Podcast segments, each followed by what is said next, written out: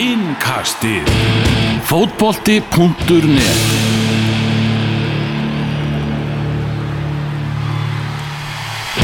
Ísland 0, Portugal 1 enduleikar á lögðarsvelli í kvöld eh, þar sem að eh, Íslandikar lukuleik með tíu mennin á vellinu Viljum Þór Viljumsson með rautspjald á 80. mínútu og Cristiano Ronaldo með sigur markið á 88. mínútu leiksins Þetta var ákaflega svekkjandi. Við sitjum hérna þrýr saman í eh, reikmöttu bakherbyggi á Ölveri í Glæsabæ. Elvar Geir Sæbjörn Stænke, besti vinnur Ronaldo og uh, Gummi. Herru, vinnuðin fór illa með okkur í kvöld Stænke Já. Ég veit ekki alveg hversu sterk vináttan er, er eftir þetta kvöld. Nei, heimitt Það var aðeins að skvetta upp á, upp á hana Já, heldur betur. Sko, Ronaldo gata ekkert í þessu leik. Hann var pyrraður og spjald fyrir dífu og ég veit ekki hvað og hvað en hann gerði samt sem áður, gefið munn.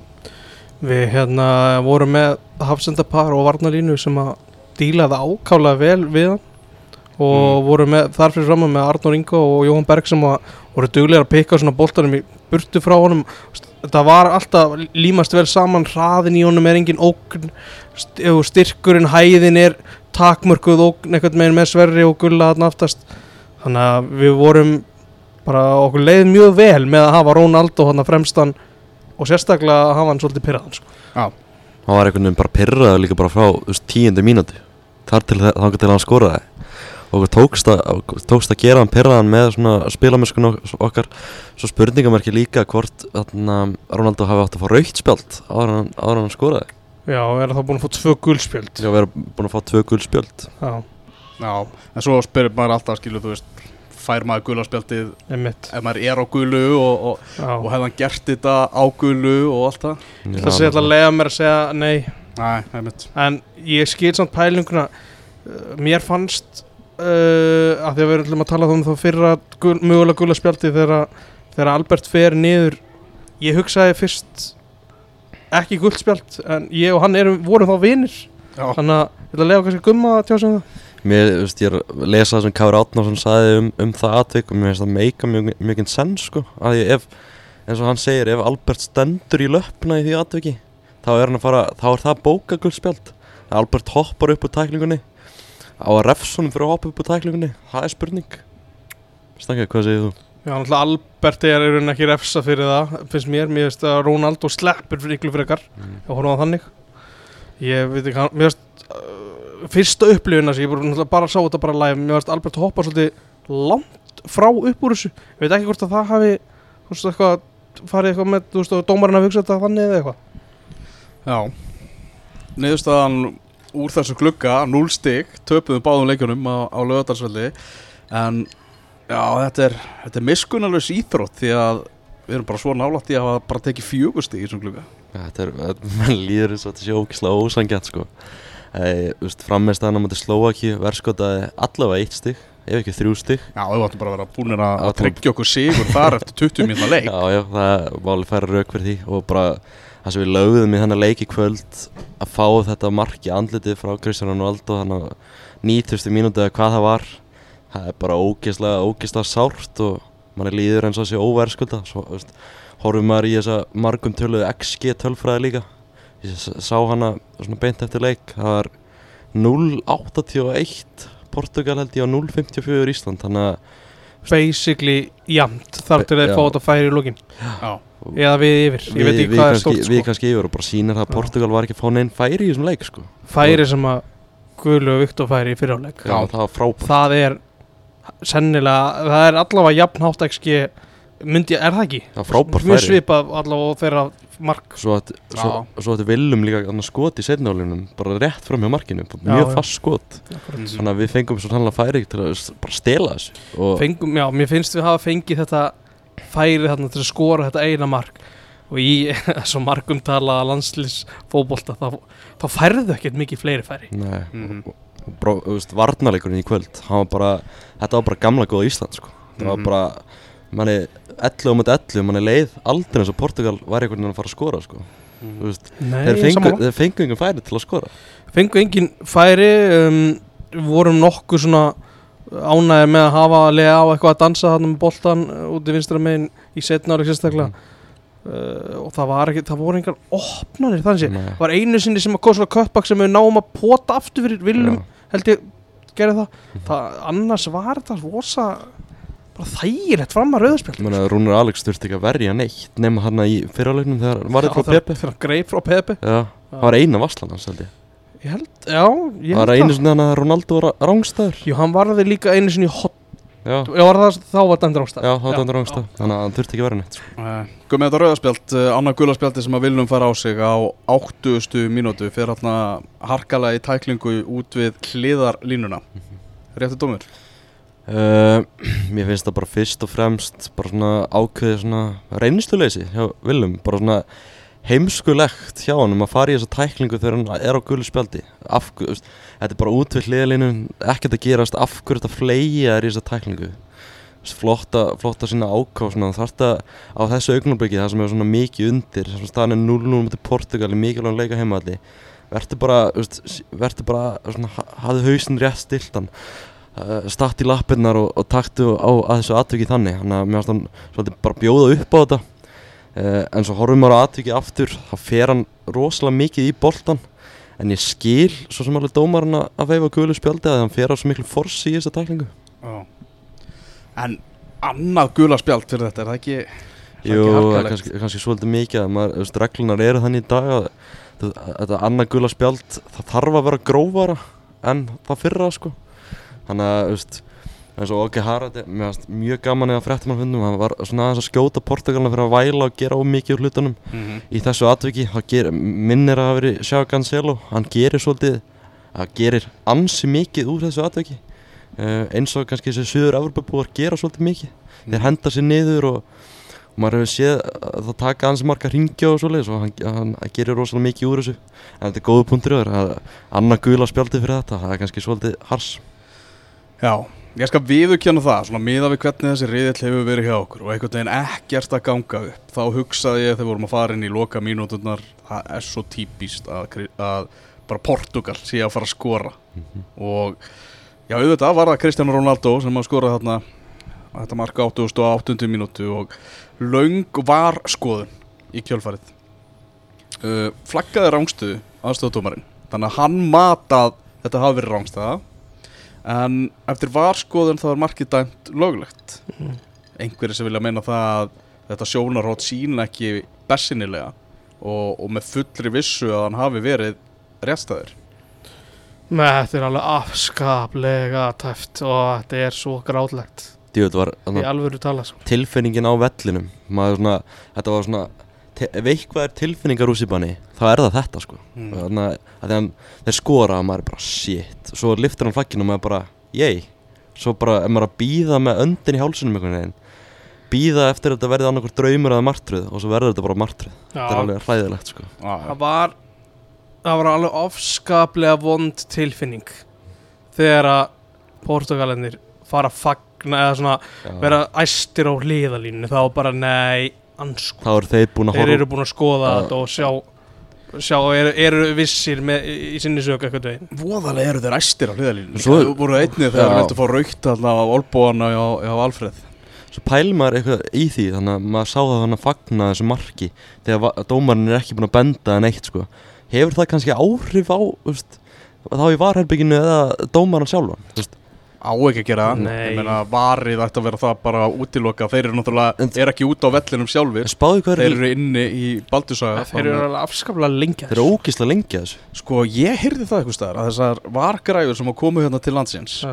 væru bara einhvern veginn rosalega sló einhvern veginn að spóla tilbaka og allt það og, og ég heyrði að Chris Kavanagh sem var var dómar í fyrirleiknum á, á móti slóökum stóð sér að hann hafi verið að einhvern veginn svona kvarta yfir því hvað þetta tók allt saman einhvern veginn langan tíma sko. já, þannig að það voru ekki, alveg að senda að virtist vera svona bestu græðunar hinga til, til lands. Frábært, gott að heyra. Ég meina í báðum þessum leikjum Mhm. var mómenti tóku ógeðslega langan Já. tíma. Þetta er, þetta er að verða eitthvað svona eitthvað keðjuverkun, vítarringur eða eitthvað þetta atriði á móti Ísraeli þjóðatildinni fyrra. Þetta er bara það sem Rúnar Alex talaði um eftir Já. sérstaleik bara eitthvað neikvæður spírat sem verðum að koma ykkur úr. Komast út úr þessu. Og við erum að Óka Harald talaði líka um það á, á fréttamannundum með leik. Við erum að breyta þessari óhefni úr hef, í hefni Við megum samt ekki dett í það að fara einhvern full on vorkunargýr sko. Nei, nei, þetta er ekki bara eitthvað óhefni og dómaranum að kenna sko. Nei, nei, alls Nei. ekki. Það Það er Það er heila málið en Þú veist, við getum alveg hort í þetta mark sem þið skora sjálfsögðu. Þú veist, Hörðubörgun spila hann réttstæðan Þannig að það líka tala já, kottum með það líka, líka tala um það sko að Diego Dalo hafi, leikmaður Master United hafi svona ítt í Hörðubörgun fyrir markið. Ski, smá, smá svona kænska í því setur báðar hendur á baki á Ski, ítir hann í þessa stöðu.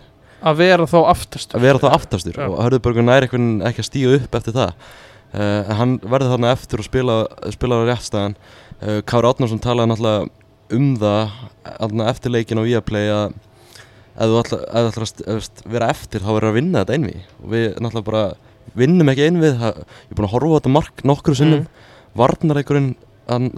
svona einhvern veginn í fyrsta skipti í þessum leik verður einhvern veginn bara ósamstiltur og menn veit ekki alveg hver svona þeirra staða er. Þeir sendur, Rúnarlega tala líka um að hann verður í svolítið erfiðri stöðu út af þessari sendingu út. Mm því að þetta er líka skotfæri. -hmm. hann veit ekki alveg hvað hann getur farið langt út þannig að hann þarf að vera í varnarsinni stöðu getur ekki komið aðeins út og, og, og svona opna á mögulegan komast út í boltan þetta er ræðilegt einhvern veginn allt saman hvernig þetta hvernig þetta spila sko. Og þetta er ríkar með, með hörðbjörgun ef, ef þetta er þannig snerting frá Dalot að hann getur ekki gert neitt þá er svolítið ekki hægt að gaggrina hann fyrir það. Nei. Har Haraldur, hann sagði þá fréttmennum að hörður hafa ekki sopnað sko. En þú veist, þar eftir markið ég veit náttúrulega ekki ég, ég fylgdist ekki með hverju ég fór að tala um hvað við dómaran en bara hörður bara að vera harður þarna Já. hann ítti mig skilur láttu skoða það. Mm en ég veit ekkert hvernig svona samtöl virka skilur Íslenska þjálfarteimi var líka ósatt með það sko að í aðdraðanda hotspunna sem marki kemur út úr að það hafi ekki verið dæmt rángstað þá sko. Að já, Haraldur var alveg harður á því að það hafi verið rángstað og Ísla, þessi hotspunna hafi aldrei átt að vera. Maður varstu búin að ná að skoða eitthvað tilbaka þar? Ég var ekki búin Nei. að sko maður Nei, gera, gera það á morgun. Það er rosa langt tilbaka sko. Já, og þetta alltaf, það núlast alltaf út sama hversu ó, ósangjönd hotspinnan er sko. Var, var nær, náttúrulega ekki það langt tilbaka sko. nei, nei, Nei, nei, en alveg típist á móti svona upplöfuliði með svona ótrúlega marga upplöfa leikmenn að bara þú gleymið þér eitt augnablik og þá allt einu eru búin að refsa. Þetta, þú veist, horfum við bara á þetta portugalska lið þetta er, þetta er stjörnur í hverju einasta, einasta rúmi og þetta er bara svo ógeðslega svekkjandi eftir að lið hefði lagt svo ógeðslega mikla og flotta vinn í hana leik. Bara eins og ég sagði aðan varnarleikurinn þetta myndi bara á gamla góða tíma. Um, að tapa svo, svona svona einu augnabliki það sem, eins og tölum um að liðið var ekki búið að fá þessi færi í leiknum er bara ógeðslega svekkjandi Já. færsturna voru spot on allir, allir svona að tengja vel hvað er eftir að vera allir að hjálpa hver öðrum þetta var svo mikið liðsheilt og það hefði verið svo sætt fyrir þá að landa þessum stíi sko. og líka bara eins og tölum um í háluleik sko, stanka að landa stíi í þessum leik og heima allar mútið Portugal mútið, þú veist, í 200. leikmanns Cristiano Ronaldo Mm. það hefði gefið liðin ekkert smá mikið sjálfstöru sko. já, já klálega sko. En nú er náttúrulega bara fyrirsagnir heimspressunar á, á þá leið að Ronaldo hafi tryggt Portugal eh, sigur í sínum 200. landsleik sem hann vissulega gerði það er ekki að taka það á já. hann núna Það er frétta, efni í þessu Það hefði verið he- heldur skemmtilegra hefði, við- ef það verið að Ísland hefði böggast í Ronaldo í, í 200. leiknum algjörlega uh, aðeins um hérna Portugalina Já. ég hérna maður skilur svo vel þessu ummæli á Harætti um að þeir kvarta yfir öllu Mm. þeir eru gjörsamlega óþólandi og bara ég, þetta næri yngri átt hvað þeir eru leiðileg sko. Allir inn á vellinum, öll liðstjórnin, allir bara allan tíman og guðminn góður ég er farin að, farin að skilja lið, hérna, menn sem að halda ekki Manchester United. Bruno Fernandes er algjört pest á velli. Þetta er ekki læg Ma, já, maður sá það núna í kvöld hvernig er að veist, halda með einhverju öðru liði en í að skora maður verður, ég veit ekki maður verður aðeins blindur á þetta þegar hann er í liðin sem þú heldur með. Þetta er bara ekki hægt. Maður er hvernig getur hann verið allan leikir svona maður er orðin trilltur hann í háluleik sko þegar maður fann að böggast eitthvað í Arnur Ingo og lappa í hann undir búnislega hann var eitthvað ennþá að væla þetta er þegar maður er að halda með liða mótunum þá er þetta bara mesta gerpi sem er til í fótboltanum sko. Ah. og svo ertu Já, svo- verðskulda guldspjald á já, oh fyrir sko. god sko. og svo Bara ertu þetta portugalska, þetta portugalska liði er bara svona samasafnað ykkurum vælukjófum og, og anna ræplum Þetta er Þetta eru líka orðið mjög góður í já, fótboll það eru mjög góður í Það líka. voru náttúrulega aðalega Þannig að frændinni Pepe og Ronaldo og svo Bruno með þeim sko. Bruno með þeim, það er þetta er ekkert eðlilega vond þrenna sko, þú ert Já. að halda á mótið þeim sko. Mun Pepe bara aldrei hætta með portugalska landsliðinu? Pepe, hvað- hann er honum færtur ég var að sko, 83 mótið ég var að Þetta skoða kom hann inn í hennar leik já, Hann var klárið þetta, Ég var- Ísland á úti já, já, ég var að skoða þetta fyrirleik. Hann var náttúrulega eini annað sem spilaði með Ronaldo og portugalska liðina, það eru 2010 sko. Mm. það eru 13 ár síðan Já. og Íslandi 2010 mm. þetta er alveg ótrúlega dæmi sko. Ég held að Ronaldo dyrki Pepe Ángríns Já, já, hann gerir það sko Gjössanlega dyrka Já, já, hann hefur ekkert farið Mm. lengt með það heldur sko. já, er Það hjálpar held ég alveg það er Ronaldo, hvern, hvern viltu hafa með þér hann í 200. leiknum? Pepe, hann er inn á. Já, er að vilja fá hann til Al-Nasr Ég veit ekki hvað hann er ekki það, annar maðurinn eftir stænki sem hann veit fá í Alnas sko. Hann fær á bekkin Já, já. Það er nokkuð ljóst. Það var aðtök hann með Pepe í þessum leik hann að undir lok fyrirháleiks auðvitað þurfti eitthvað að vera svona aðtök tengt honum. Alfred Fimboðsson hann að Olbo sko Já, þetta þetta var nú að með hans Pepe gera svolítið mikið úr þessu hann gerir reyndar aldrei mikið úr neinu gummi sko. Nei, þetta er bara ég, Þetta er svo mikið úr engu eitthvað Þetta er, jú, jú, var þetta ekki bara spjald Var þetta það var bara guldspjöld áfram leikin sko það var ekki Alfred að láta vont, finna sko. fyrir sér það var- Jú, jú, það veist, Já, já, það var bara að- vel þetta staðsettur var, kannski, dómari þetta var kannski ekkit Þetta var ekkit svona, hvað maður að segja Mest svona, uh, svona skemmtilegasta uh, Hvað maður að segja að Leið til þess að fara í návi Frá Alfred skilu, veist, þetta er ekkit svona vinalegt En maður verður líka aðeins að finna, láta finna fyrir sér. Já, það var ekki, þannig að EM 2016 það var Pepe á móti Jóni Dada það var eitthvað Já. svona barátta og Íslandingur voru alveg brjálaðir manni alveg þannig að Pepe steig á Jón Dada eitthvað svoleiðis, það var ekki alveg bara að hefna sig. Þeir er, verða náttúrulega meira þú veist, þeir verða verri í svona atriðum í smá mótlæti eins og maður sá bara Ronaldo frá fyrstu mínúturunni sko. Hann ætlaði að raukt spjald á þetta Já, svo svo þegar komur langi boltar og öftustu línu sem fóru yfir Ronaldo þú veist, hann var ekki kátur með þetta allt saman Mhm. þetta var ekki ganga sko. Nei. Það var mjög pyrraður en fyrir svona gæja sem að kunna leikin þetta vel þá, þá vita þær alveg hvað þeir eru að vera á, á réttu tímapunktum sko. Mhm. Mhm. það er bara hannig Og það eru fyrir með verið í framistuðu leikmanna í íslenska liðsins eh, Náttúrulega ein breyting á byrjunarliðinu mm. Það sem að eh, Artur Yngvi Traustason kemur inn í byrjunarliðið í staðan fyrir Alfons Samstedt sem það vekt- verkum að, að það er svona smá fæslur í liðinu. Bara hann segir það komið Já, uh, það er svona þannig að Já, hann að Arnur Ingur kemur inn fyrir Alfons Samstedt var að spila hægri bakur í síðasta leik. Þá fyrir Valgi Lundal sem var að spila vinstri bakur í síðasta leik yfir í hægri bakurinn Hörðubörgun sem var að spila miðvör í síðasta leik fyrir vinstri bakurinn og Guðurlu Viktor Pálsson sem var að spila frábælega miðsvæðin í síðasta leik kemur hann á miðjuna. Um, kemur í vörnina? Ja, kemur í vörðina sig Mm. uh, þetta var svona kannski eitthvað sem við vorum að búast við fyrir leikin hann myndi kannski hreyfa aðeins við þessu svona. Uh, við vorum að búast til bakverðu út fyrir miðum Já, þeir bakurinn voru svolítið vandræðum í síðasta leik.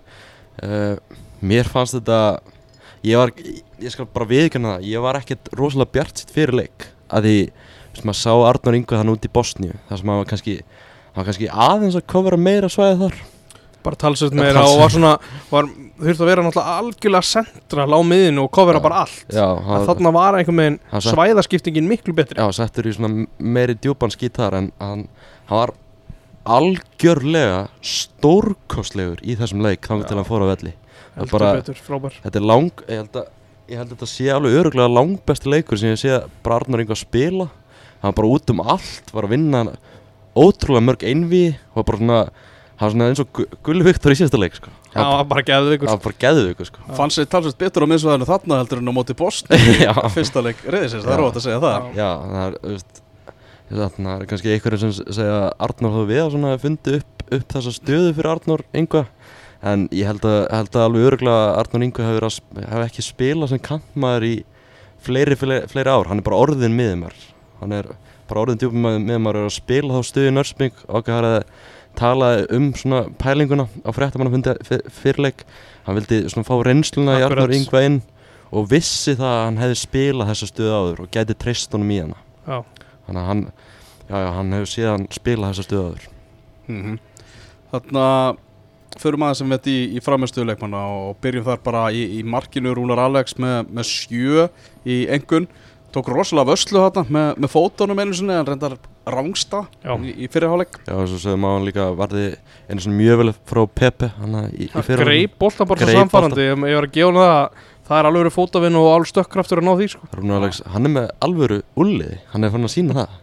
Já, bara þessi gæi er núna með full, fullt sjálfstösti hann, hann, hann hefur alltaf haft trú á sjálfu sér en núna er hann komið með smá trú frá þjóðinni. Já, um að hann sé bestu kosturinn. Og það er, mér finnst það svona sjást á hann mm við þurftum að býða ansi lengi eftir Rúnar Alex og svona, mikil, mikil umræð um það í bara mörg ár, hvenær ætlar, ætlar, ætlar þessi gæja að mæta? Mm. hann er mættur. Ég spjallaði hans við Rúnar eftirleik og hann nefnir það að eðlilega tók það smá tíma að, að, hérna, að fá tröstið þjóðin var búin að upplefa Hannes Þór Halldórsson Já, sem að gerði, gerði rosalega fá mistök og var alltaf mjög stöður í markinu. Mm svo ef að Rúnar Alex gerir mistök sem að markminn bara gera stundum já, já. þá náttúrulega verður, þú veist, ertu lengur að vinna þér upp bara smá, bara tröst sko. Engi smá hanskara að fylla. Já. uh, Valgeir Lundal uh, sjö í engun annar mótsleikur hans fyrir landsliðið og hann fær heldur betur verkefni það er Rafa Leao á mótorum Já, bara, bara eitt besti leikmaður ítalsku aðtildarinnar algjörlega á ungum landslis stu, ungum og stuttum landslisverði á Valgeri til þess að var þetta hans besti landsleikur. Uh, stóð sér bara príðilega í hægri bakverði, bara virkilega vel. Hann fekk, gott, góðan stuðning. Já, og var með gulla hann að hliðna á sér í barátunni við Rafaelega og það var ekki það var ekki mikið vesen. Það var svona, svona ákveðin augnablík þar sem hann leit kannski ekki vel út. Það var svona eitt aðdeg að sjá að Cancelo þar sem hann var bara sendur bara eiginlega út af vellinum en bara svona heiltir, bara flottur flottur leikur hjá honum, ég held að hann geti bara verið stoltur af, af sinni framistu í kvöldu og fjölinsmenn og valsarar geta líka verið stoltir. Sverri Ingi og Guðlaug Viktor miðverðinir báðir með, með átta. Getur svona nokkurn veginn bara endur tekið ræðarna sem við heldum um þá í, í síðasta innkasti. Mm. uh, náttúrulega bara við þurfum að Sverri að halda algjör stríðsmaður hérna í hjarta varnarinnar og, og Guðlaug Viktor hann er bara svona einhvern veginn eftir þessa tvo leiki örgulega bara komin í mikið uppáhald hjá, hjá íslensku þjóðinni Ég ætli ég sko bara svo rétt rúa því Ah. því líkur gæi og líka, það er ekkert held ég svo auðvelt að skipta bara um, um, um stöðu allt í einu. Mhm. komin í miðverðin og brillar það líka. Mhm. það var algjörlega stórkastur og Sverrir. Hann að fara svona tíu sinnum niður í þessum leik. Bara, e- örugglega eitthvað tæpur eitthvað staðar. Hann stegi alltaf aftur upp og kláraði leikinn. Og bara algjörlega stórkostur í þessum leik. Og ég var svona pæ, var að pæli á meðan leikum stóð þú veist, Sverrir Ingi er að spila með PAOK í Greiklandi og Gulli Viktor að spila með DC United í bandaríkunum þessi gæjar með að frammeðstæðan þeirra var í kvöld Er að vera að spila á svo mikla herra stíi bara í Európu sko. Ég er á því að Guðlu Viktor að vera að spila í, í topp top 3 með fjóru deildinum í, í Evropu alveg klárlega. Hann bara miðað þennan landsleiklu að hafa hann bara að spila í Champions League sko. Hann er, með, hann er líka með það að geta spila í mörgum stöðum sem er mikill kostur og sérstaklega þegar þú skila framistöðum í mörgum stöðum. Mm. þetta er ekki bara allt í lægi í nokkru stöðum. Já. hann var bara gæslega frábær í báðum leikjunum og, sitt hverju stöðunni. og bara í framhaldinu þetta, er, þetta á bara að vera miðurparið okkar. Ég er nefnilega, þarna held ég að Gummi sé að svona negla svolítið hvað, ég hitt að negla Nei, já. og að vill að þetta sé miðvaraparð Hann ætlaði að nota þetta í fyrsta leiknum Alltaf að nota í fyrsta leik og svo meiðist Aron Einar í uppbytun og þá færir hann Guðlaug Viktor á miðisvæði uh, Hörðu Björgun og Willum eru með sex í einhvern hvor og það er náttúrulega hjá Herði þetta marka draga niður Mm. og hjá Willum þetta rauðarspjald að draga niður. Já, Mér finnst þeir báðir, þeir áttu báðir bara flottan leik fram að svona síðustu tíu mínúnu kannski. Willum, já, klálega. Willum er bara, hann var náttúrulega já, þess að talar um þetta dreifur hann niður hann var í 7-7-5 sko. Já. hann var að spila það vel. Hann var bara að slefa í áttu sko. Já, bara, bara, hann er bara mættur að vera í þessu landslið og Já. hann munur nú bara spila held ég bara hvernig einasta landsleik fyrir utan þegar hann er í banni. Mm þarna bara næstu árin. Já, ætla að koma kannski með smá ef við fyrir að spá í framtíðan þá kannski kemur smá móla inn í þessum ræð það Seinna. fara, fara ég núna. Já, hvað er hann? þetta verður núna alvöru hausverkur fyrir Óge Harreita þegar að Arnór Sigursson gefur tilbaka mm hverja, hvernig ætlar hann að taka út? Já, Viljum vissulega getur líka að spila á miðjunni. Emitt en við heldur sjáum alveg fyrir okkur að Aron Einar og, og, og Jóhann Berg spilið þar. Svo er Arnur Ingu heldur betur búin að steinfla sig inn. Það er búið að búa svona smá smá möguleika sko. Já. Er það ekki skemmt? það er bara það er mjög skemmt eins og við sjáum í þessu verkefni við erum ekkert með rosalega marga möguleika inn á bekknum. Þannig að þetta er bara veist, að fá Arnór Sigursson inn á bekknum er bara rosalegt sko. það er því náttúrulega bara virkilega gott. Já, mm uh, Arnur Ingvi nýju maður leiksins. Bara sagði, hans besti landsleikur. Við tölum um hann aða Hann um hann er náttúrulega þekkjum hann betur sem kantmann í landsliðinu. Mhm. en sjá hann hann inn á miðsvæðinu. Mhm. bara út um gjörsanlega allt. Mhm. ég veit ekki hvort hann tapaði návi Nei, og bara, bara trilltur sko. Ég sagði hann hann er búin að spila þessu stöðu lengi og búin að þekna, þekna vel. Já, Svo komaður uh, Jói Berg með, með átta um, miklu betri leikur en á móti Slovaki það sem hann var náttúrulega já, bara hreinlega vonbriði miða við það hvað hann á að vera góður.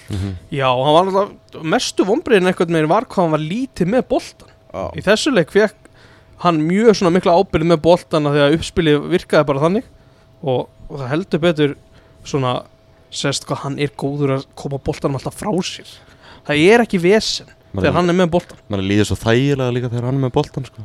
Við munum eftir þessu bara fyrir bara fjórum, fimm árum þegar að svona vorum all- allra bestu liðunum veist, Jóhann Berg eða Gilvi Þórun með boltan, Mhm. voru í toppmál alltaf, það var aldrei vesen. Og það var alltaf eitthvað gott að fara að koma út úr því. Mhm. sama hversu vonlu staðan kannski virtist vera úti við hliðalínu með þrjá í sér sko. það, það er svo þægilegt að vera með hans svona öryggisnett inn á miðsvæðinu. Já, klálega og það var kallað eftir hann að fara á kantinn en það er ekkit það er bara svo mikil ábyrð að vera á miðun, það er visslega ábyrð að vera allstað en það er mest ábyrðan fyrir framann hjartað. Og þá viltu hafa þína reynslu mestu leikma þar. Ef þeir geta spilað þar og Jói klálega virðist geta það. Mm Jón Dagur, Albert og Alfred fá allir sjö í engun hefur alltaf að standa sig mjög vel allir þrýr í að fara í taugarnar á, á portugalska liðinu.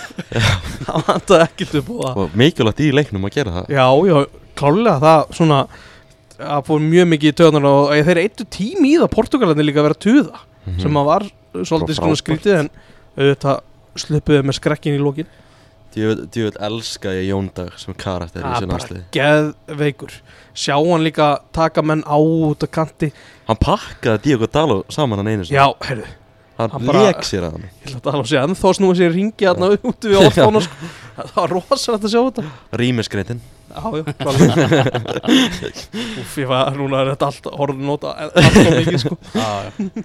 Þarna þessi tveir sem að, sem að koma inn á bekknum uh, Ísak Bergmann og Sævar Alli Fyrri Þe- tvöfaldarskiptingin Já, Já. þeir náttúrulega koma inn á svo stuttu eftir það þá kemur rauðarspjaldi þannig að þá einhvern veginn breytist náttúrulega allt sem þeir átt að gera í, í leiknum Já, sko. þetta, þetta er líka bara svona leikur það er svona, þessi, með hvernig svona, þessi leikur orð spilast Þetta er bara svona leikur það sem þú sem landstælur Íslands vilt bara ekki gera neina skiptingu. Nei, Já, en hann hefði aldrei tekið Arnur Ingo út af nema hann, hann var gjössalega bensinljus Já, hann bara búinn á því. Já, og já, Jóndagur vantarlega líka. Þú ve- þú veist, lið, Þetta var, fór hann ekki út af líka fyrir skiptingin? Jú, Jón Dagur fór út af. lið, liðið sem byrjaði inn á vellinum og spilaði hvað hann fyrstu 70 mínútur eitthvað Já, var bara að fungera svo ógeðslega vel og þú vildi bara ekkert vera að hrefla í þessu sko að hrópla í þessu. Já, pakki sem að virtist ekki vera hægt að brjóta niður. Mm Já, það er, það er svoleiðis. Þannig aðeins í stemminguna á, á leiknum. Þetta snýrast náttúrulega allt um Cristiano Ronaldo Mhm. og það var búið að hópast fyrir utan Grand Hotel þar sem að Ronaldo og portugalska liði gisti. Það var búið að hópast fyrir utan þar sem að rútan kemur inn á laugadalsvöll það var allir klifrandi upp á gyrðingar og klifrandi upp á tré hlaupandi inn á völlin og allt til þess að komast nálagt vinnaðanstanga Cristiano Ronaldo. Ekki að fara bara í það fyrst eða? Jó, gerð það. Já, stangi viltu greina þetta augnablik á fréttamannafundunum í Ég er sjálfsög ekki fara að segja neitt nema að ég verið spurður. Ég verið að spurja spurningar svo í svarið ertu búin að fá tilbúð frá Saudi Arabi Nei, því miður En Bjóstu við þessu svari frá Ronaldo? Þá hefði ég sjálfsög aldrei spurt þessara spurningar. Það alveg að reyna, það var ekki markmið með spurningunni. Að fá okkar svar svona beint að mér sko. Hvernig var tilfinningin að sjá Ronaldo horfa í auguna þér benda á þig og segjast, og segjast vilja fá þig með sér Sko, til Sáti Arabi ég get alveg sagt að ég man ekki eftir sko að hafa setið og sé þetta. En þú veist, ég sé náttúrulega upptökur að þessu og þá veit ég ég var þarna sko, þetta var ógeðslega skrítið. Já, mér leiði rosalega furðulega sko. Mm. og ég vissi ekki alveg hvernig þetta taka þessu sko. En þetta var svona skemmtilegt atrið sko. Já, búið að vekja aðtikli ekki bara hér á landi, heldur um allan heim. Ég sá eitthvað myndbátt á Twitter á sig komið eitthvað 10.000 like eða eitthvað. Já, og þetta líka sko, ég var að skoða svona komment, kommentina á Twitter. Mhm. og þetta sprell hérna hjá Ronaldo, það allavega hjálpaði alveg svona, svona hans ímynd sko. Já, klárt. Það voru allir bara mjög ánæður með, með hvað, hvað var létt yfir honum. Líka líka hann áhugavert að Ronaldo veitir ekki mikið af viðtölum og er ekki mikið að fara á fréttamannafundi. Það breytist þarna í þessum leik út af því að þetta var 200. stil leikurinn og það er náttúrulega líka áhugavert að þú varst búin að byggja um orðið þarna. Fjölmiðla fulltrúin ætlaði að slíta fundinum. Sagði bara, ja, þetta er komið gott, takk ég alveg fyrir komuna. Þá kemur Ronaldo, hörru, býtu, býtu hann vil spyrja þarna. Þannig að þá, þá komum við þessi, þessi spurning sko. Þetta var, þetta var svo geðveikt augnablik sko. Það var svo gaman að sjá hvað Ronaldo er mikil stænka með sko. Já, mikið sækja það var ég nefndi það við ykkur að þetta er minn spurning ef að ég fengi að spyrja. Þú varst búin að tala um þetta í hátir í ég var búin að nefna þetta.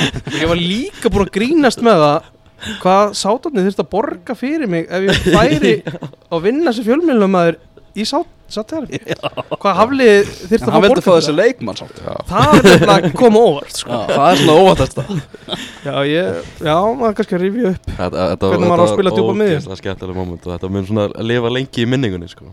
Já, já, það er klart maður. Þetta var, kom líka svo ég segi nú núna óspurður kom búst í dag í allt þetta dæmi.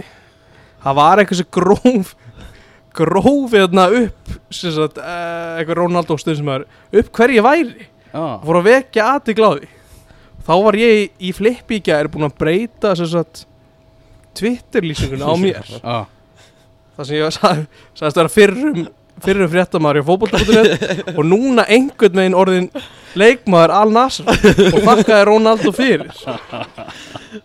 Og ok. það var eitthvað búin að sjá það að ég væri búin að breyta lýsingunni og svona Ronaldo account eitthvað svona og það, var, það fekk eitthvað fullt af eitthvað Ah, lækum sko og þrjúfersla og út frá því þá er menn bara búin að bjóða mig velkomin til félagsins.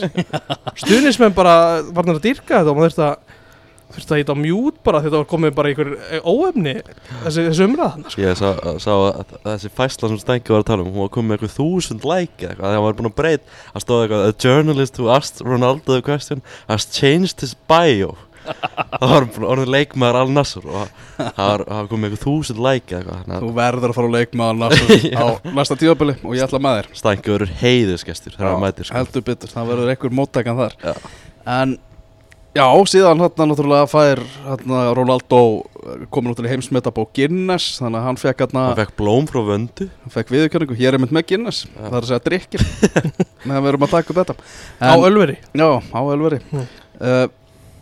Það var hérna, já, og blómvöndurinn frá vöndu sem hefur náttúrulega lengi í minnum háður Ég sá mynd af Bleacher Report þar sem hann heldur á blómvendinu sko. Það var gaman að því Já, Eitthvað bara miljónir bara fylgjandi að sjá þetta sko. það er náttúrulega risastórt að hann hafi leikið sem 200. landsleik Fyrstur karlmanna í heiminum til að leika 200 landsleiki Þetta er bara risastórt augnablik í fótboltasögunni sko. Það er svoleiðis og bara geðvitt að við gáum hann blóm. Já, það er bara vel gert. Já, já, mér Það finnst það var mjög það- flott. en mér var þetta enda mér var þetta mjög töff svona hvernig þetta var gert allt. Já. og bara hann kom hann fyrir leik og eða, veist, þegar að hvað þjóðsögnunar fyrir Já. þjóðsögnunar Fyrir Já.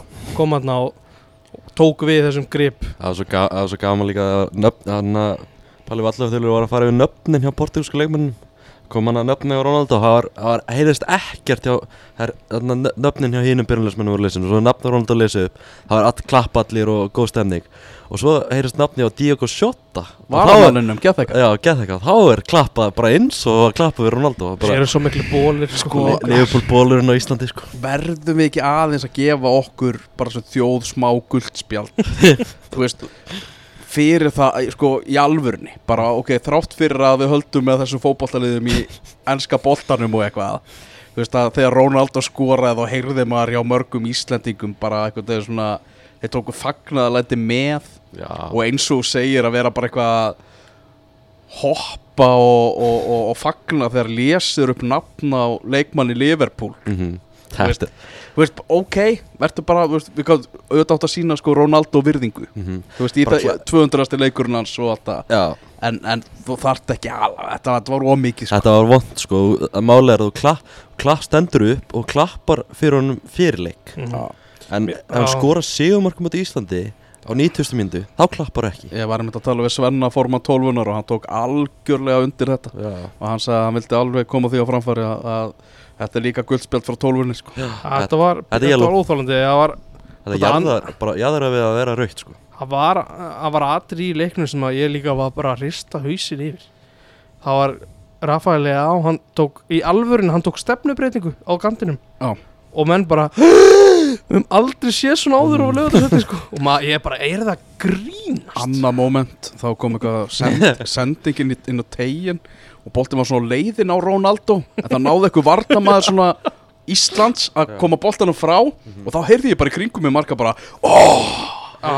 Já, þetta er bara veist, Þetta er meira heldur en gerist þegar Jóndagur hlóa Diego Dalo án gríns. Þetta er bara, þetta er, þetta er ekki gott. Og þannig að ég, ég held ég hef heyrt nokkur sú þegar Ronaldo stökk sko. það, það, er ekki, það er ekki gott. Það voru fleiri en okkur Það var fleiri en nokkur Það er þannig, en Ronaldo, hann fór í, fór í viðtal og hann sagði bara takk Ísland Já. í viðtalinu eftirleik og var bara mjög ánæður með þetta afreg sitt sem hann náttúrulega má svo sannarlega vera. Já, heldur betur. Og sagði hann að ég, vil Hrifin af land og þjóð. Þa- að ég vil þakka öllum á vellinum fólkinu á Íslandi og stuðningsmönnum fyrir að bara búa til þessa, þessa stund fyrir mig. Já, það er bara að ég, þú veist, bara, að ég var ánæður með svona hvað Ronaldo gaf mikið af sér bara til okkar fjölmjölamanna líka meðan hann var hérna. Bara, þú veist, gaf okkur þrjá fjóra spurningar í gær. Bara okkur íslensk, íslenski fjölmjölamann Naflinn á að láta hann heyra basically. á að láta hann heyra. Það er engin óhuldur þegar nafnið er, er annars við Hann er klár með sko erfu spurningar. Já, hann Já. mátti allt skrifa niður, alla bombuna sko. Það fór djúft í þetta sko. Hann líka sko það Hvað sátatir eru að gera og áhrif þessa fókbaltan Það er, þú veist, oft byrjar á svona auðveldu svona spurningum þegar þú blaða mann viti Þannig er þetta færðu bara eina spurningu á mann basically Þannig að Fá beint í nafni fór í Já,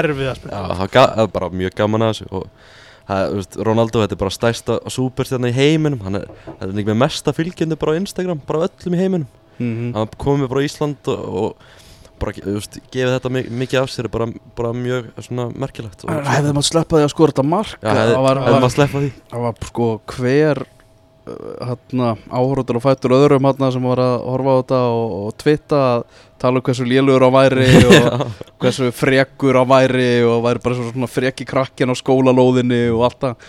En Cristiano Ronaldo hann getur verið bara dröllu lélugur en samt ráðið úslitum í, í leikjum. Þetta er bara það sem hann gerir. Hann bara, og hefur gert alltaf tíf hefur gert alltaf til hann skora mörg Já, Hann hann er gerir líka- út um leiki og, og, og vinnur fótballtaleiki Á móti hefur hann líka oft verið hluti af mjög svona búst, af liði sem á mjög lélanleik og bjargaði Mhm, Já. sem að þú veist, má alveg segja í dag sko. mhm. það, Já. af því að þeir áttu ekki sem besta leik við náðum að uh, koma þeim út úr sínu svona þægendrama mm um, kannski aðeins smá málum Albert Guðmundsson Já, förum aðeins í bara hvað sögðu leikmenn eftir leik þið, þið kíktuð í mixónið og, og spjalluðu aðeins við, við menn bara eðlilega mjög svektir og mikið kjaftsök að fá þetta mark og á sig og sérstaklega náttúrulega jú, þegar það er dæmt að löglegt eða aukalega au, auka svekkir þessi byð þarna og býð og vona eftir því að verði dæmt að verði, rángstæðan haldist. Mm -hmm. en þeir voru náttúrulega að sjálfsögðu allir mjög sátti með framistana fram að því sko. Þetta er bara svona svipa, svipa moment og í Slovakíu þegar það voru endalust að skoða það hvort sigumarki á Slovaku mætti að standa þetta er ógist fullt en Albert, málum Albert. Albert, Já, uh, kannski tvent í þessu Fyrst uh, spurði hann út í það Gummi Ben, pappi hans. Guðmundur Benediktsson Flest þessar hlustu á þetta podcast vita hver það er Já. Hann náttúrulega svona kom hann svona svolítið til varnar og stóð upp fyrir sínu manni einhvern veginn þarna í kringum um, fyrir marsverkefni þegar að það, þegar að Albert átti ekki að hafa gefið kost á sér og, og ég spurði hann út í hvernig væri að fá stuðning frá pappa sinu, hvernig hann var liðið með það hvort þetta hefði verið óþægilegt? Eða hvernig sem hann hefði séð hann var hæst ánæði með að fengi stuðning pappa síns og hann skilur hann svo sannarlega því að ef að það hvernig hann orða þetta ef það færi, kæmi tveggja fóta tækling á sinn son, son sinn sem sagt, hann á einni, einni strák Já. þá hefði hann gert það sama. Mhm. hann hefði staðið, staðið með honum og já, er ekki að, þú veist, þú ert með þetta fyrir fram Já, með ég þig? meta hérna er þetta ekki nokkuð svona fín sumur Hann segir, jú, hann segir hérna kann að meta það að pappi stóð upp fyrir mér. Já. Þannig er hann að tala um bara Arnóð Þór Viðarsson. Mm Já, hann er ekki kátur með hann Já, er hann hefur látið það alveg í ljósi í þessu verkefni við okkur á, á .net og hann var ekkit sérstaklega ánæður með störf með landsliði. Já, já, náttúrulega einn svona, þú veist, það það, þú veist, Banabiti Arnars hafi verið, þú veist, þessi Bosníuleikur, þar sem við töpum 3-0 og, og, og hvernig hann er settur upp og, og allt það, en einn svona vestastungan sem að Arnar þó við það sem fekk í starfinu var klárlega þessi pistill frá Gumma Ben, því að Gummi Ben er bara veginn svona samegn þjóðar hann er vinsalisti maðurinn á Íslandi, sko. já, hann er einn af þeim, Já. það er bara þannig. Það er bara ég held að myndi vinna Guðna í Hann, sem veit hann um samkeppni, Já. sko. Og að skora á Gumma, fara í, fara í frambóð. Það er því áhugavert, sko. menn það er ekkert sem bannar, þú veist, fósetta Íslands að lýsa fótballtaleiki Nei, nei, klálega. hann getur alveg haldið áfram að gera það sko. Svo e- þegar ég var búinn að slökka á hérna kamerun, ég hefði kannski hefði ekki átt að slökka á svona, sá ég hann var að taka upp töskunni sína og ég spurði hann náður ekki einhver góða treyju? Jú, Rafael Leao minn mann, Mm. AC Milan Verðandi samir hans. sjáum til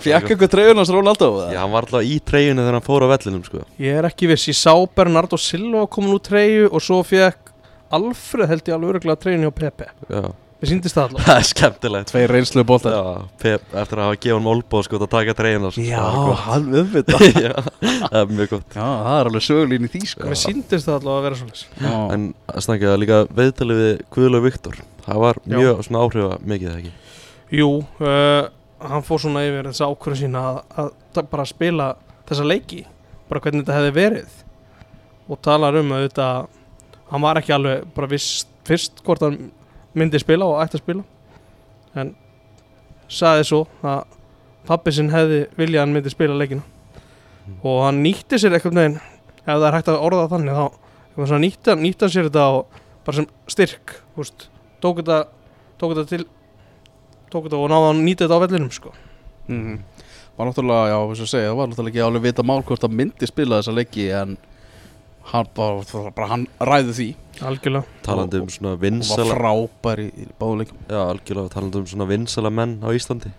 Hann er bara, hann er svona bara að klífa þann lista sko. Já, alveg, alveg klálega Já, og halda og hann er með þakkaði fyrir bara stuðningin sem hann hefur Já. vikið frá, frá Íslandingum bara algjörlega stórkostlur karakter já, eitthvað, eitthvað fleira úr mixinu aðra við förum og skoðum aðeins bara stöðun í riðlunum já, svona við sem fjölumilnum hefðu við kannski vilja ná Hákonu Arnar í viðtal en það voru bara allir að taka viðtöl þegar hann kom og, og hann lappaði ekki já, við hefðum viljað aðeins að spjalla við hann um mögulega er hann, er hann áhugað lill á sér? Já, hvað það sem var til Lill já, Já, það er áhört að vita það. Það já, kemur í ljós. Það kemur allt saman, allt saman í ljós. Eru þeir staðan í riðlunum er þannig, Portugal hefur unnið alla sína leiki, er með 12 stig. Uh, Roberto Martínez, hann fór fögrum orðum um íslenska lið á frettamannum fyndi dag. Já, hann, hann, hann talaði um það sko, hann hefði alltaf búist við erfiðum leik alltaf, þegar hann hefði komið til Íslands þá hefur alltaf verið erfitt. Og hann talaði, talaði um, ég spurði hann úti á fréttamannfundum hvort hann hef, hefði trú á því að, að Ísland geti náð öðru seti í þessum reyli með svona framistöðuna í dag og, og svoleiðis.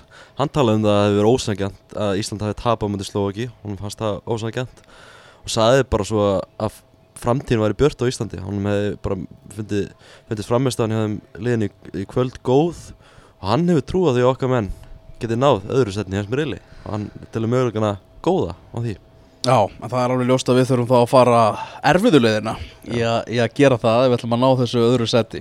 Mm uh, Slovakarnir eru nefnilega búin að ná í tíu stig þeir eru ekki búin að tapa leik. Nei, og svo kemur hann liði sem heitir Luxemburg sem er með sjö stig og sem er ótrúlega óvænt og ég það, ég held að það sé bara eitthvað í fyrsta sinn sem þau tengja saman tvo sigra í undakefni Bosnia og Ísland eru með þrjú stig hvort lið. Mhm.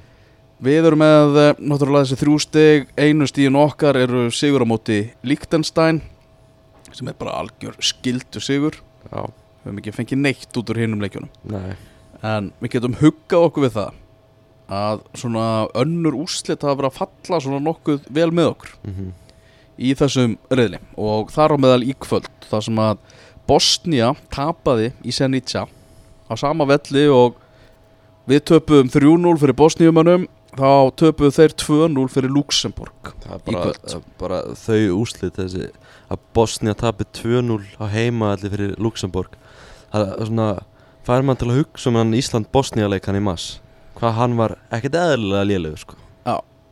Það er líka, það má ekki gleymast að hann var, já þú segir ekki eðlilegur við sáum úrslitin 3-0 Mál, máli, það mun kannski gleymast að það líður á kefnina Við hefum getað tapað miklu, miklu stærra.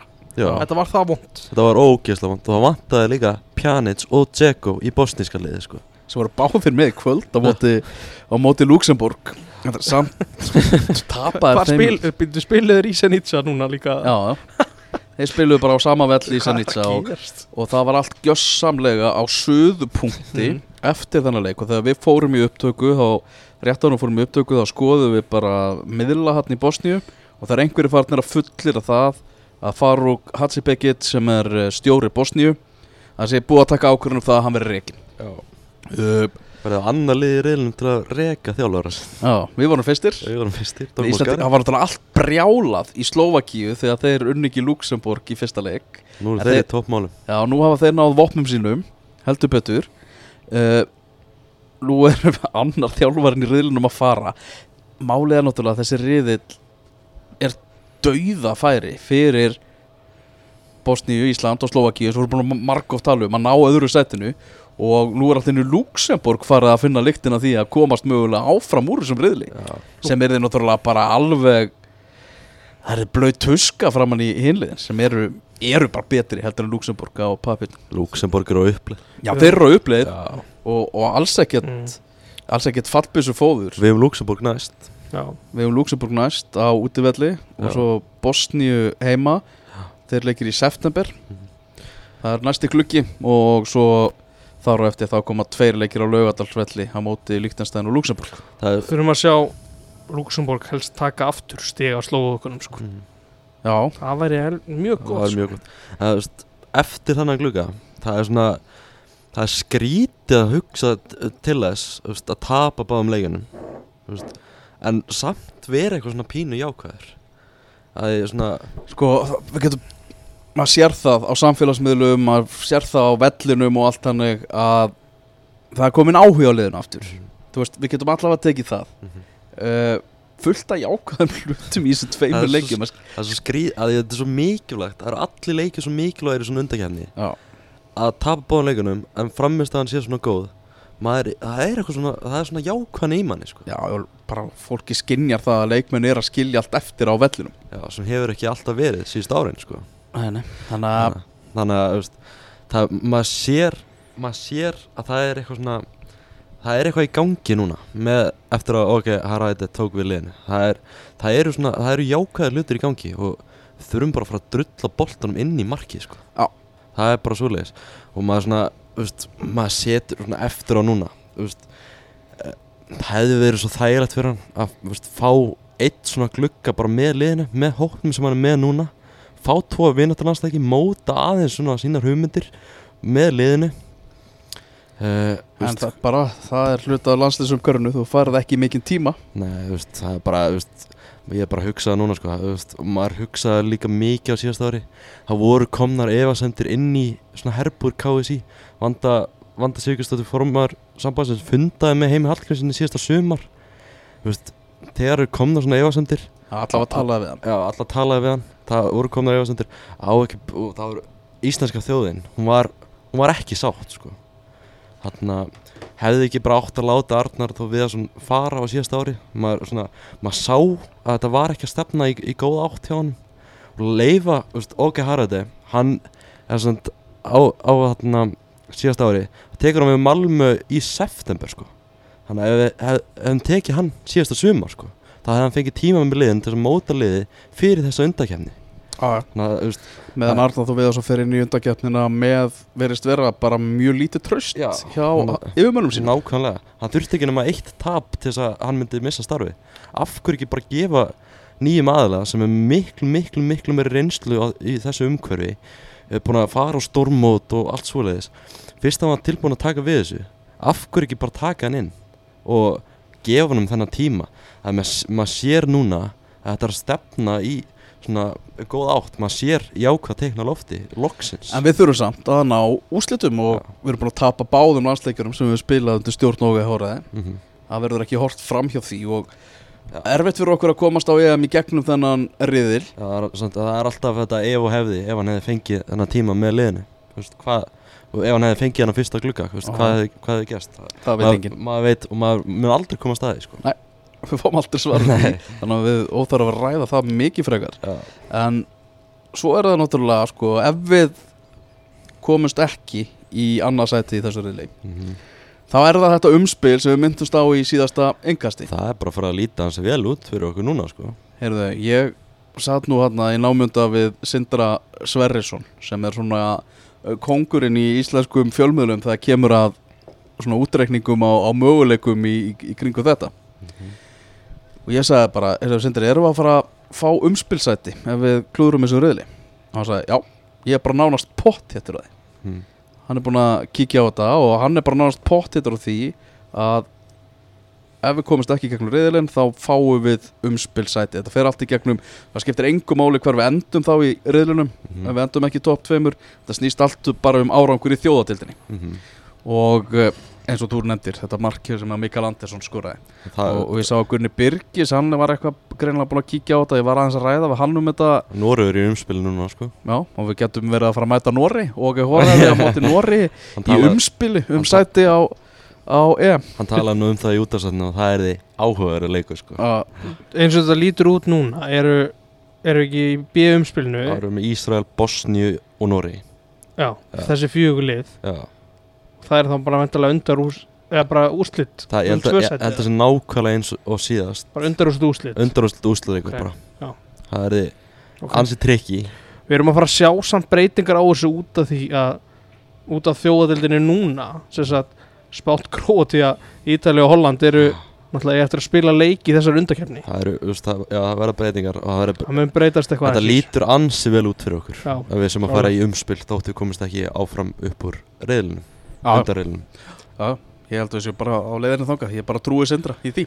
Já, og, og þú veist, við tölum ekkert sérstaklega vel um tíma Arnars þó Sviðarssonar með þetta landslið En veist, hann má alveg eiga það að hann veist, kom okkur svona ofalega í, í þjóðdældum með öllum þessum jafntöflum Já. Og þetta Albaníu stig úti það, það skipti á endanum og gæti á endanum skipt miklu máli fyrir okkur varandi þetta umspil. Gæti hafa verið hárrétt ákvörðun að velja eins sterkan hóp og mögulega hægt var í þessu septemberverkefni þrátt fyrir möguleika Íslands á að fara á lokamót 21 þetta er bara stærra en það. Mm það, það á að vera hugsa leikin greinilega eitthvað aðeins lengra þannig já. en glemum því samt ekki að það sem lagði grunnina velgengn okkar var þetta lið sem að fóra á 21 ásmótið á sínum tíma. Vissulega. Vissulega. Sem að síðan gerða verkum að, að við já, sem lagði grunnina eins og þessi Mhm. Herðu, ef við að við munum aldrei vita. Já, Herðu, ef við að fara að segja þetta gott bara eitthvað, eitthvað að lokum? Já, bara kannski bara svona stimpla aðeins á þessum bara, bara mín skoðun, mér líður bara eins og landslið séu bara einhvern veginn á miklu betri stað akkurat núna en það Mér- hefur verið. Mest margir leikmenn hafa vaksið einhvern veginn í, í svona áliti og trösti hjá íslensku þjóðar Mhm. algjörlega. Ma, maður sér einhvern veginn svona þessa, þennan, þessa liðselt og þennan vilja og þennan dugnað þetta allt saman. Þetta er, þetta er svona koma aftur sko. Því ég, ég held að svo stór þáttur í því sé innkoma Sverris og samaskapi finnst mér Guðlu og Viktor vera bara miklu meiri leiðtói heldur en ég hef séðan áður. Já, ég held að, að taka miklu meira til sín láta menna veist, aðeins heyra það skilur á jákvæðan átt halda mennum á tánum. Þetta bara skiptir svo óbóðslega miklu máli. Og þetta er einn af þeim hlutum sem að, að við blöndum svo aðeins við íslenska boltan að vikingarnir höfðu á sínu tíma og svona var vöntun eftir. Og ég bara þú veist þetta þarf í öllum liðum. Bara Mhm. talanda, leiðtóa þannig erum við með eitt sem að mér finnst vera að stíga klálega upp í því hlutur ekki það er bara það er bara það er einhvern veginn bara skemmtilegt að að horfa á íslenska landslið spila. Og maður, þessi tvo, tveir leikir, það var skemmtilegt að horfa á liðið spila. Já, og þótt þráttur úrslitin hafi ekki fallið með okkur og það var gaman að sjá hversu mikill stuðningurum við liðið var á vellinum. Það var ótrúlega gaman. Já, og líka stöðningur við Portugal. Og algjörlega. stuðningurum við Portugal. Var minna gaman. Það er bara svo, já, svo það var ekki á milli mála. Þá nefndi ég náttúrulega því að maður hefur tekið náttúrulega endalust af viðtölu við þessu gæja og þeir tala endalust um svona hluti sko. Mhm. bara þú veist Arnar Gunnlaugsson sem að ekki, þetta var ekki gripu úr lausu lofti eitthvað tala um viking held ég Nei, nei. og næsti gluggi í september og þar verðum við bara að taka 6 stig Það er ekki flóknar en það, uh, segjum þetta gott í engastunni vilja lokum, þakka Helga barþjónið þetta, hann var mikið að hjálpa okkur, við lendum í smá, smá tækniströggli en hann mætti þá með hjálparhönd og uh, hann á róskilið. Já, smá ombriða var engin á nærbuksunum í mixinu í dag Smá ombriða, Svo síðast. þetta þar